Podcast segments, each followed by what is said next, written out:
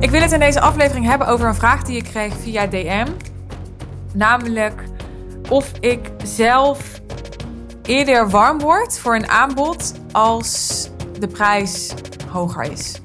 Dus hoe ik het even vrij vertaal is omdat ik mezelf en mijn aanbod high-end positioneer en omdat ik mezelf richt als ondernemer op high-end klanten, ben ik dan zelf ook altijd een high-end klant? Of wil ik dan zelf ook altijd een high-end aanbod? En het antwoord op die vraag is best wel genuanceerd. Ik zou zeggen ja en nee. Ik zal je uitleggen waarom.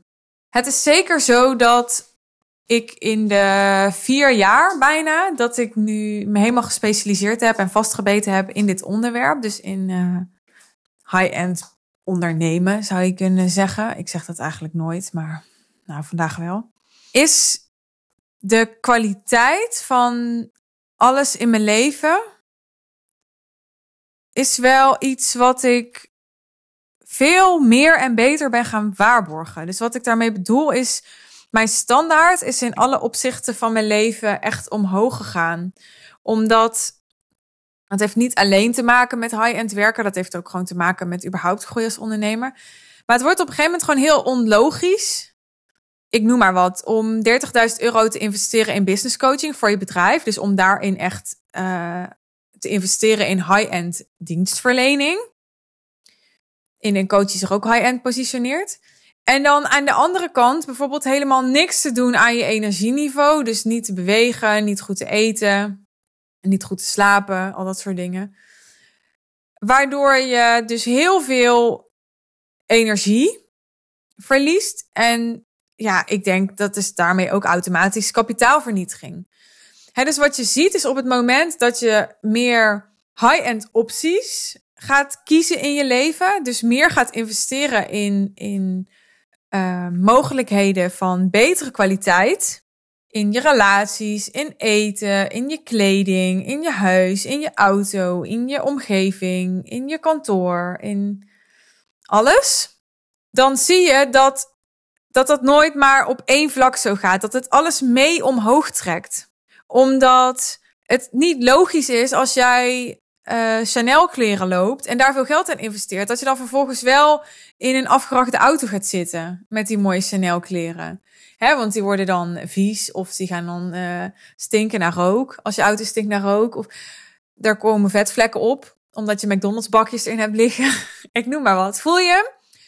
Dus op het moment dat je in één ding meer gaat investeren en de meer high-end optie gaat kiezen, ga je zien dat alles omhoog meegetrokken wordt. Dat is voor mij een super interessant proces geweest. Dat ik op een gegeven moment merkte van, ja, ik wil helemaal geen kleren van de Zara meer. Om allerlei redenen niet. Al was het maar omdat die dingen eerder stuk gingen. En dan moest ik eerder uh, naar de kleermaker. En dat kostte weer tijd en gedoe. Uh, maar ook omdat die dingen meer trendgevoelig zijn. Dus je bent er dan eerder op uitgekeken. En dan moet het weer weg. En dat is dan weer helemaal niet duurzaam. En dat is eigenlijk heel onlogisch om niet voor de duurzame optie te kiezen. Want voor in mijn bedrijf zit ik ook erin voor de lange termijn. dus je gaat op een gegeven moment merken dat je andere keuzes gaat maken. Omdat je meer high-end investeert. En doordat je meer high-end investeert, gaat dus de kwaliteit van je leven langzaam steeds verder omhoog. Er is bijna niet een mogelijkheid dat dat niet gebeurt. Dus je weet sowieso dat als je meer high-end gaat investeren, dat dat proces gaat plaatsvinden. Nog even ongeacht wat je uit dat aanbod zelf haalt direct. Voel je? Dus stel je investeert 30.000 euro in een business coach. Nog even los van wat die business coach je direct gaat opleveren. In geld en in tijd en in groei. Ga je zien dat omdat je die keuze hebt gemaakt, je op andere vlakken in je leven ook andere en vaak betere, slimmere keuzes gaat maken. Waardoor de kwaliteit van je leven, de kwaliteit van je denken, de kwaliteit van je vragen en daarmee van je leven, van je gedrag, van je relaties, van je omgeving, nogmaals, al die dingen mee omhoog gaat. Nou, terug naar de vraag die ik kreeg in mijn DM van word ik nou warmer van een hogere prijs?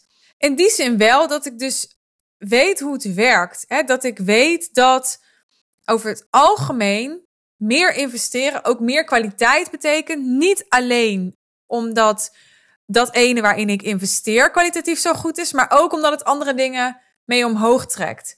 dus ik weet dat als ik bijvoorbeeld ga investeren in een super high-end uh, premium sportclub, dan weet ik dat ik daar niet met een uh, oude verwassen joggingbroek rond ga lopen, want daar voel ik me dan niet comfortabel bij. Dus dan ga ik me ook anders kleden als ik ga sporten. En dat is iets wat ik heb ervaren, waardoor het voor mij steeds aantrekkelijker is geworden om voor de high-end optie te kiezen. Omdat ik heel erg hou van het proces dat alles in mijn leven omhoog gaat en kwalitatief verbetert. Snap je? Wil dat zeggen dat ik dan overal voor de duurste optie kies of heel veel geld aan uitgeef? Nee, absoluut niet. Dit is ook niet wat ik jou adviseer om te doen. En ik zal je uitleggen waarom. Omdat high-end voor mij ook staat voor zo simpel mogelijk, zo winstgevend mogelijk zijn. En als jij overal voor de duurste optie gaat en overal heel veel geld aan uitgeeft, is het praktisch onmogelijk volgens mij om heel winstgevend te zijn. Dus betekent high-end en heel winstgevend zijn ook hele harde, slimme keuzes maken.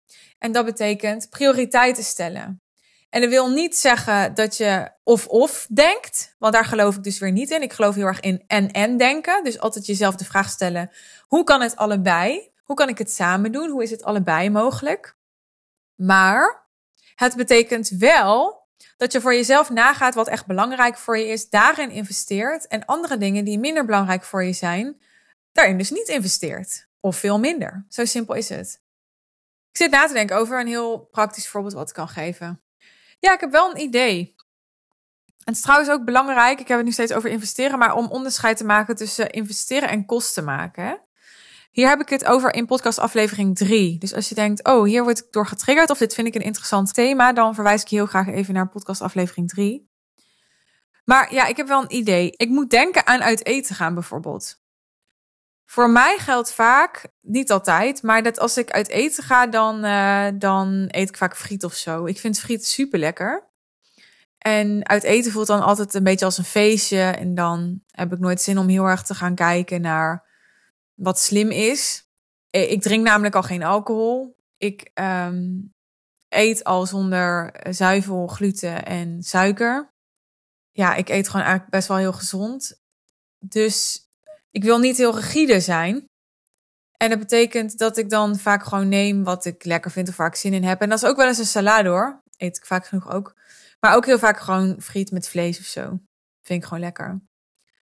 Maar ik voel me daar niet heel erg goed bij, altijd. Want het is niet heel gezond. En ik wil eigenlijk al jarenlang vegetariër worden en dat doe ik maar niet. En dan ga ik weer veel vlees eten en weinig groente. Want dat is vaak als je vlees bestelt in een restaurant. Vind ik altijd dat je veel te weinig groente krijgt. Dus dan heb ik, um, weet ik veel, een x bedrag uitgegeven aan uit eten gaan. En nou doe je natuurlijk uit eten gaan niet alleen voor het eten, ook voor het gezelschap en de setting en de sfeer en dat soort dingen. Maar ik heb wel periodes gehad dan ging ik gewoon wat vaker uit eten. Of dan was ik, gaf ik makkelijker geld uit aan terrasjes of borreltjes of dingen. En dan dacht ik, ja, hoe blij word ik hier nou echt van? Soms is het ook gewoon gemakkelijk. Dat je dan denkt op zondagmiddag, ah, gezellig, laten we even op een terrasje zitten. En je bent zo weer 30, 40 euro verder. En dacht ik, ja, hoe, hoeveel heb ik nou echt heel erg genoten van het terras? Soms heel erg als ik lekker in de zon zit en op een mooie plek. Maar soms zat ik ook op een terras wat ik helemaal niet zo tof vond. En was het meer een soort van ja, bijna gemakzucht of zo. Of gewoonte, of ik weet niet wat het was. Niet een heel bewuste keuze in ieder geval.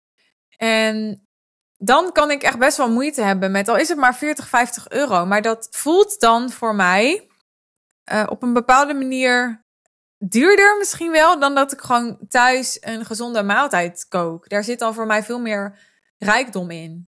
Hè, een maaltijd waar ik echt uh, aandacht aan heb besteed. En ik hou trouwens helemaal niet van koken. Maar goed, nou gaan we een heel ander onderwerp in. Je snapt mijn punt denk ik wel, toch?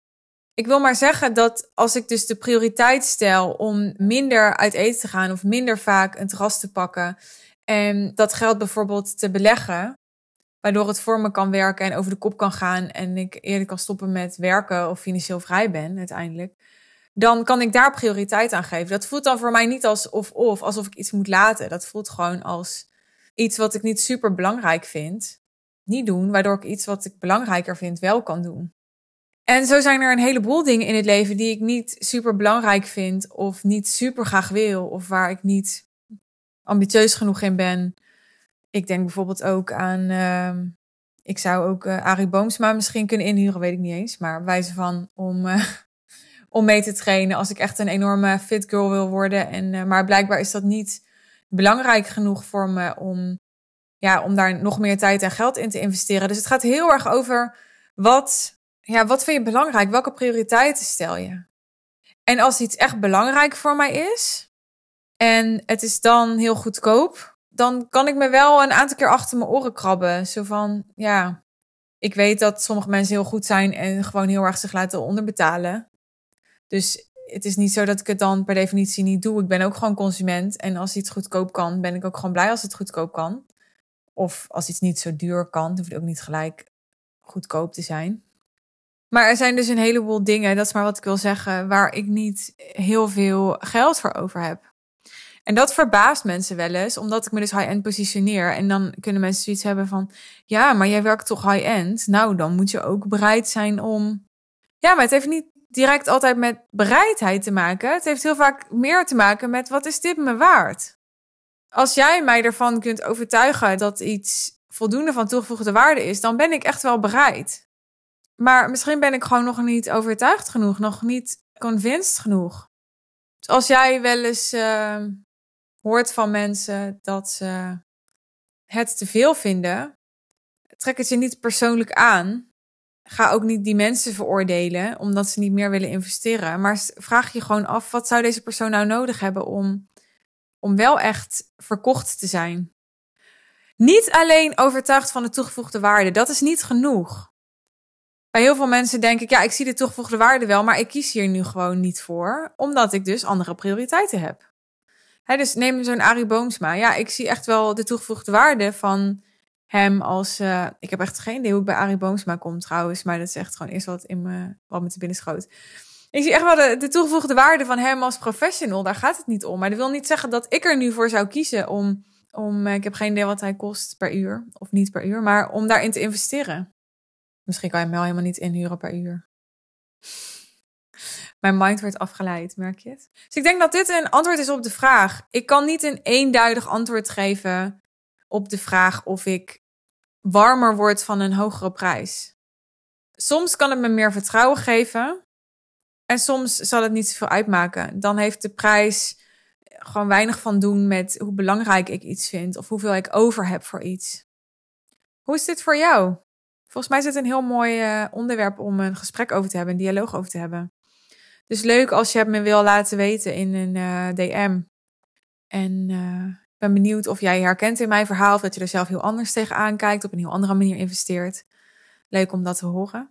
Mocht je nou ervoor willen zorgen dat mensen veel meer verkocht op je zijn, datgene waar ik het dus net over had, hè, dat mensen niet alleen je toegevoegde waarde zien, want dat is dus niet genoeg, maar ook echt verkocht zijn op jou, hoe jij je gepositioneerd hebt, op je aanbod, op wat er gebeurt in het gesprek tussen jullie in de dynamiek. Dan uh, zou ik je ticket claimen voor de High Level Sales One Day Intensive, als je dat nog niet hebt gedaan. Dat is mijn uh, event op 14 oktober en daarvoor zijn nu nog early bird tickets beschikbaar. 23 juli loopt de timer af. Dus wil je profiteren van het early bird aanbod, doe dat voor die tijd. Yes? Dankjewel voor het luisteren. Wees welkom om mijn podcastkanaal te volgen op Spotify of je te abonneren op iTunes. Dan krijg je vanzelf een notificatie bij nieuwe afleveringen. En dan luister je de volgende keer weer, denk ik. Leuk! Tot dan!